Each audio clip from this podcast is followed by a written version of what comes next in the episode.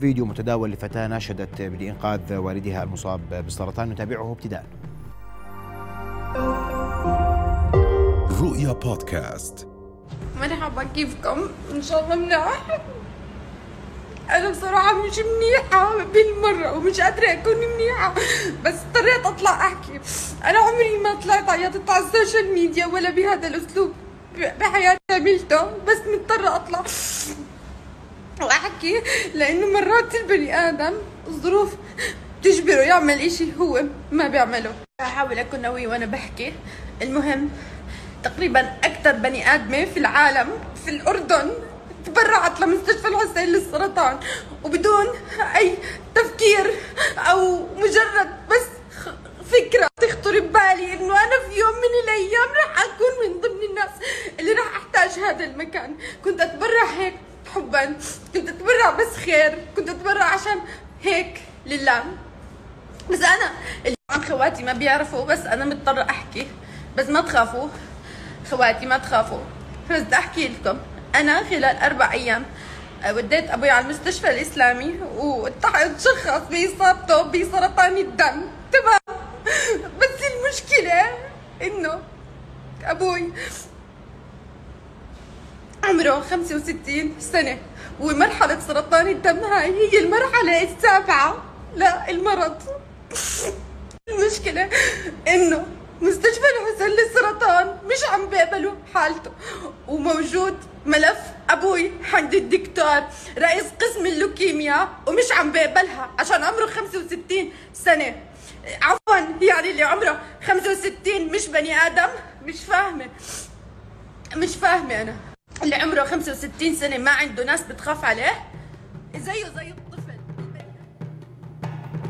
هذا الفيديو الذي آه، آه، تم تداوله يوم أمس إنه فقط إلى أن آه، الفتاة والد الفتاة يعالج بمكرمه ملكية وجلاله الملك تعهد بعلاج والدها في المدينة الطبية. الدكتور منذر الحوارات مركز حسين السرطان مساء الخير. مساء النور أهلا وسهلا. كيف تقبلوا وترفضوا الناس؟ والله خليني أحكي لك أنا أعبر عن كلام هاي الصبية إنه يوجع القلب حقيقة ومؤلم. آه، وإحنا سمعناه لمرات عديدة ولكن الوضع بالمستشفيات لا يمكن أن يؤخذ إلا بالمعايير اللي تضمن حق كل مريض. لا يمكن أن نقبل المريض إلا إذا ضمننا حقه تماما. آه هذا المريض يعني ضمننا حقه؟ معلش. حقه بالعلاج بشكل كامل. مثلا مرضى اللوكيميا عندنا بحاجة إلى فترة زمنية طويلة للعلاج وعندنا قسم مؤلف من 24 سرير لأنه لازم نظام عزل كامل اللوكيميا وبالتالي والمريض يدخل يقعد شهر أو أكثر ويرد يدخل مرة ثانية. كان عندنا بالقسم فل تماما. اجلنا 12 حالة حقيقة خلال الأسبوع هذا الأخير. قبلنا ثمان حالات اللي هن اللي نقدر نستوعبهم اللي اجوا بالأول اللي اجوا بالأول. وظل أربع حالات ما قبلناهم حقيقة ومن ضمنهم للأسف هذا المريض. حاولنا أنه نوجد بدائل آه، طلبنا من المرضى أنه يدخلوا آه، ذويهم بأماكن ثانية لأنه باختصار شديد في أمراض ممكن أنها تنتظر. في أمراض ممكن إنه ما تتأثر كثيرا بالانتظار لحين توفر سرير، لكن اللوكيميا بالذات لأنه المناعه شبه الصفريه المريض بين اللحظة والأخرى يتأثر بالتالي يجب أن يدخل في مستشفى تتوفر فيه فرص العلاج. بالتالي إحنا نصحنا فورا أنه هذول المرضى يدخلوا مستشفيات. هناك مستشفيات في الخدمات الطبية الملكية في أسرة وبالجامعة الأردنية وبالبشير ويمكن استقبال المريض بواحدة من هذه المستشفيات. لأنه بهذا الوقت اللي الحقيقة الصبية تتحدث فيه ما عندناش ولا سرير إذا كنت تسألني إحنا كيف نقبل أو نرفض كيف تقبل وترفض آه أنا أحكي لك خليني أحكي لك. هلأ إحنا من أول ما افتتحنا المركز قلنا نستطيع أن نستوعب 60% من حالات السرطان بالبلد بناء على السعة. كان عندنا 157 سرير زدناهم إلى 200 آه، 352 آه، سرير وزادت السعة. كيف نقبل؟ الآن عندي لجنة مؤلفة من مجموعة من الفنيين أولا وجزء منهم أطباء. هي لجنة رئيسية. اللجنة الرئيسية تأخذ المرضى وتاخذ العبء على كل جهة. مثلا عندي مريض آه، بده كيماوي عندي مريض بده أشعة علاجية عندي مريض بده زراعة نخاع عندي مريض بده كذا. تقيم مثلا أنا عندي ضغط على الجهة هاي. أنا أقدر أقبل بعد أسبوعين. الدور بعد أسبوعين. عندي ضغط على الأشعة مثلا. أقدر أقبل خلال عشر أيام. عندي ضغط على اللوكيميا. اللوكيميا ما فيها تستنى. ما فيها تنتظر. بالذات اللوكيميا الحادة. اللوكيميا المزمنة ممكن لكن اللوكيميا الحادة ما بتنتظر. الآن هاي اللجنة تعطي تعطي قراراتها للجان فرعية. أعلم يعني مؤلفة من الأطباء لا أنا اللي أوزع. العبد الفقير لله اللي قدامك هو اللي يوزع الحالات. أوزعها مثلا إجاني مريض سرطان ثدي مريض عفوا. أكتب فريق الثدي. إجاني مريض سرطان آه، دم. أكتب فريق الدم. جاني مريض سرطان جهاز هضمي اكتب فريق جهاز الهضم. هذا مؤلف من مجموعة من أربع إلى خمس أطباء لازم يكون رقم مفرد حتى يناقشوا الحالة. هذا الفريق بعد ما تكون المعلومات واصلة إليه يعمل يسموه بريورتايزنج تصنيف المرضى وفق الخطورة تبعتهم ويقبل الأكثر خطورة ويجيبه. سئلنا. تقبل الأكثر خطورة؟ الأكثر خطورة. اللي ما بيقدر يستنى إذا في سرير. إذا في سرير. يعني أنا عندي سرير لوكيميا ماشي الحال؟ أقبل المريض فورا إذا عندي سرير واجيبه فوق أدخله. لو ما معه إعفاء أدخله حالة طارئة. مريض اللوكيميا لا أنتظر حصول المريض على إعفاء بل يجي على الطوارئ ويدخل يدخل غرفته فورا. هذا إذا توفر عندي سرير. إنما إذا ما توفرش عندي سرير أنا أحكي له روح على محل ثاني لأني أنا ما بقدر أتقلد خطية المريض كمان. أنا أقول له استناني أنا ما بعرف إمتى يطلع مريض أو إمتى ممكن مريض مناعته نزلت اليوم ودخل neutropenic fever أو دخل التهاب بالدم وبده دخول بدي أدخله. ما هو شغل لي السرير هذا؟ شغل لي 10 إلى 20 يوم. هل يعقل إني أخلي مريض لوكيميا مناعته صفرية؟ أخليه يستنى إذا استنى أكثر من 48 ساعة في خطورة على حياته وبالتالي لازم يبلش علاج. المشكلة إنه الناس تعلم إنه في أسرة بأماكن أخرى لكن أغلب الناس بدها تتعالج بمركز الحسين السرطان أو العمر مش مقياس؟ نعم ابدا. ليش العمر مقياس؟ اسألني ليش. لأنه أنا إذا بدي أحط العمر زي ما يحكوا الناس 65 هو المقياس. طب ما كل أغلب السرطانات 70% من السرطانات تيجي بعد عمر السبعين. معناته إذا أنا بدي أحذف عن حالي 70% من السرطانات معناته أنا ما راح أعالج. أنا معالج السنة هاي السنة هاي 6000 مريض. يعني 60% من من مرضى السرطان بالمملكة. معناته أنا عندي من ال 10000 4000 ما راح يتعالجوا. 100% ما راح يتعالجوا. إذا أخذت الناس القصة؟ قصه فلوس؟ يا بحكي لك دكتور هذا طيب بحكي أنا والله معك أنا معك. أنت أنا عارف إنه إحنا فلوس إيش؟ إذا السياحة العلاجية بالبلد يعني متراجعة بهاي الفترة بسبب ظروف عالمية وظروف كذا. والعدد المرضى اللي يأتينا هو معدود على اليد وهم جزء من الناس اللي عايشين بالأردن سواء كانوا عراقيين سواء كانوا سوريين سواء كانوا وللاسف كثير من المرضى يحابين يجوا على الأردن وإحنا حابين نستقبلهم. إحنا حابين نستقبلهم حقيقة. لأنه أنا هذه قيمة مضافة إلي وللبلد إنه يعرف إنه أنا عندي مركز سرطان عالمي عالي المستوى عالي الجودة.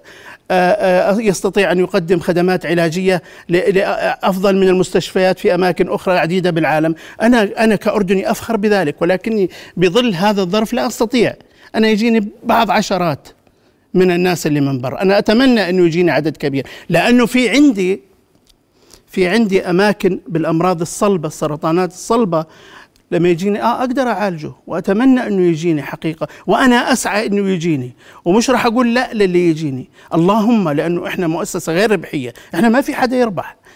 عفوا أنا لما يجيني الكاش من برا مريض كاش أنا عامله معاملة الاردني واحد. اثنين ما في حدا يربح من المركز. ما فيش صاحب هذا الشركة.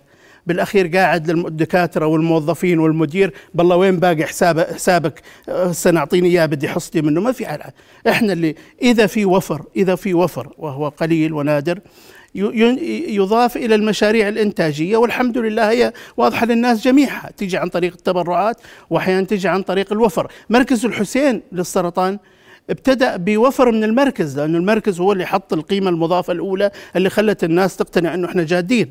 وإحنا الآن بصدد إنشاء مركز للأطفال جنب المركز هذا راح يخفف جزئيا الضغط وربما نستقبل, فيه أطفال من دول المنطقة راح يخفف على قسم اللوكيميا بالذات وبالتالي نستطيع أنه نحصل على غرف الآن إحنا بالبشير ننشئ نساهم بقسم دروزة وراح نضيف له بعون الله قريبا جدا قسم اللوكيميا.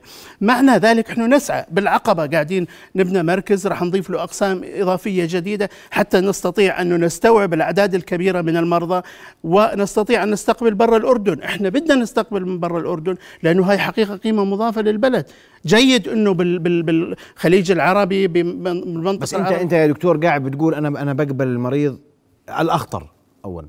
آه. لكن الموجود أنا بحكي لك بصراحة الناس بتقول آه. لك لا الحسين للسرطان مركز حسين للسرطان يقبل الحالات الممكنة العلاج. اذا مش ممكن العلاج ما باخذه أنا معك. خلينا أخذ هالنقطة. مم. طيب أنا عندي 10000 مريض أو 11 وقبلها منهم 6000 6000 شايل شايل يعني بعون الله ورعايته شايل 6000 مريض سنويا. وبالمملكة لا يعقل أنه زملائنا بالخدمات زملائنا بالجامعة زملائنا بالبشير ما عندهم إمكانيات. لا عندهم إمكانيات. وأنا مطلع على هذه هذه الإمكانيات. وإحنا إذا دخلنا شراكة يعني إحنا لو عملنا بنك أسرة مع كل مع بعضنا البعض ووحدنا الخطط ووحدنا المستوى الرعاية. أنا برأيي بهذه المرحلة نشيل المرضى. لكن بعد سنتين ثلاثة ما راح نقدر نشيل المرضى. منشان هيك عند المركز الحسين السرطاني استراتيجية للتوسع. هذه الصبية أنا لا ألومها أبدا ولا واحد بالعالم عاقل يلومها ولا يتعاطف معها. بس أنا كمان ما بقدر أشتغل على وسائل التواصل الاجتماعي ما بقدرش. أنا بدي أشتغل على معاييري. أنا عندها معها ثلاث مرضى آخرين. لو أنا قبلت هذه الصبية اللي الله يجبر بخاطرها وشافي لها والدها هل أنا أنسى هذولاك الثلاثة اللي أنا ما قدرتش أعالجهم؟ معناته أنا صرت منحاز للأب. ما عندكم واسطة؟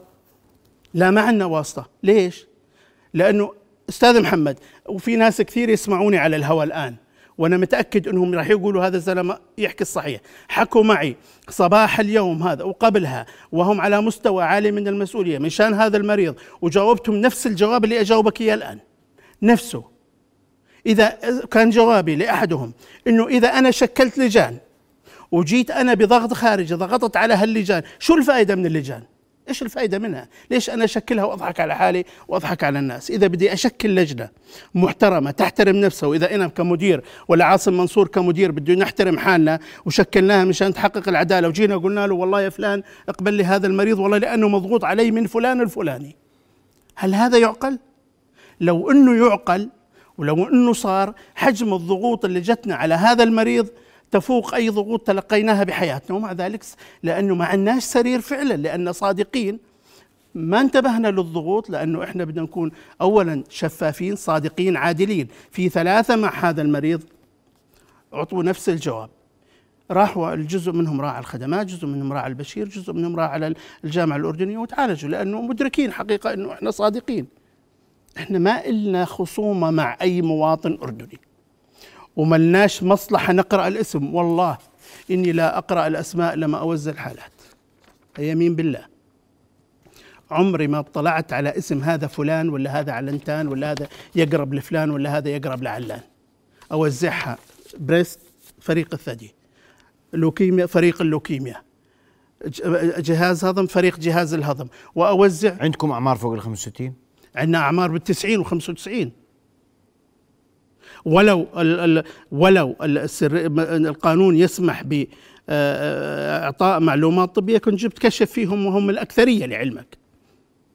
المرضى فوق ال 65 بمركز الحسين للسرطان هم الأكثرية. لأنه 60 إلى 70% من مرضى السرطان هم فوق ال 60 70 إذا أنا قلت ما بدي أقبل معناته بدي أحط رجل على رجل وأقعد أتفرج على الناس وما بعالج حدا لكن مين اللي أنا أرفضهم كمان وما أقبلهم. أنا واحد بلش علاج عند زملائنا بالخدمات الطبية ويجي بنص العلاج بده يتعالج عندي. أنا بدي أقول له لا طبعا. اولا احتراما لزملائي بالخدمات الطبية أو بالجامعة الأردنية. ثانيا فكرة قطع العلاج والبدء بعملية فحوصات من جديد. إحنا معروف إنه إحنا نبدأ بعملية الفحوصات من جديد وحتى العينة النسيجية نعيد قراءتها. معناته أنا بدي أخر المريض شهرين. هذا المريض اللي بدي آخره شهرين أنا ضريته ما فته بالتالي أرفضه وأقول لا كمل بالمحل اللي أنت فيه. ثانيا يجيني مريض مرحلة نهائية stage four ماخذ كل أشكال العلاجات بكل مكان. ويجي جاي لعندي يقول لي أنا بدي علاج مناعي وأنا عارف أجي أحسب كطبيب أنا وكانسان آه، مطلع على هذا الأمر. لو جيت أنا أعطيته علاج مناعي قديش القيمة المضافة بده يضيفها على عمر هذا المريض؟ لو جيت حسبتها تاثيره على المرض وتاثيره على المريض. سأجد أنه تاثيره على المريض أكثر من تاثيره على المرض وبالتالي أنا أقول لا لأني أنا أنا صادق مع مرضاي. أنا مش هدف الربح. أنا هدفي تكوين خطط علاجية صادقة ذات موثوقية عالية. نعم. مركز حسين السرطاني دكتور منذ الحوارات أشكرك كل الشكر على وجودك وإيضاحك وقبولك بالحضور وإيضاح كل ما شرف شكرا جزيلا لك. شرف لي رؤيا بودكاست.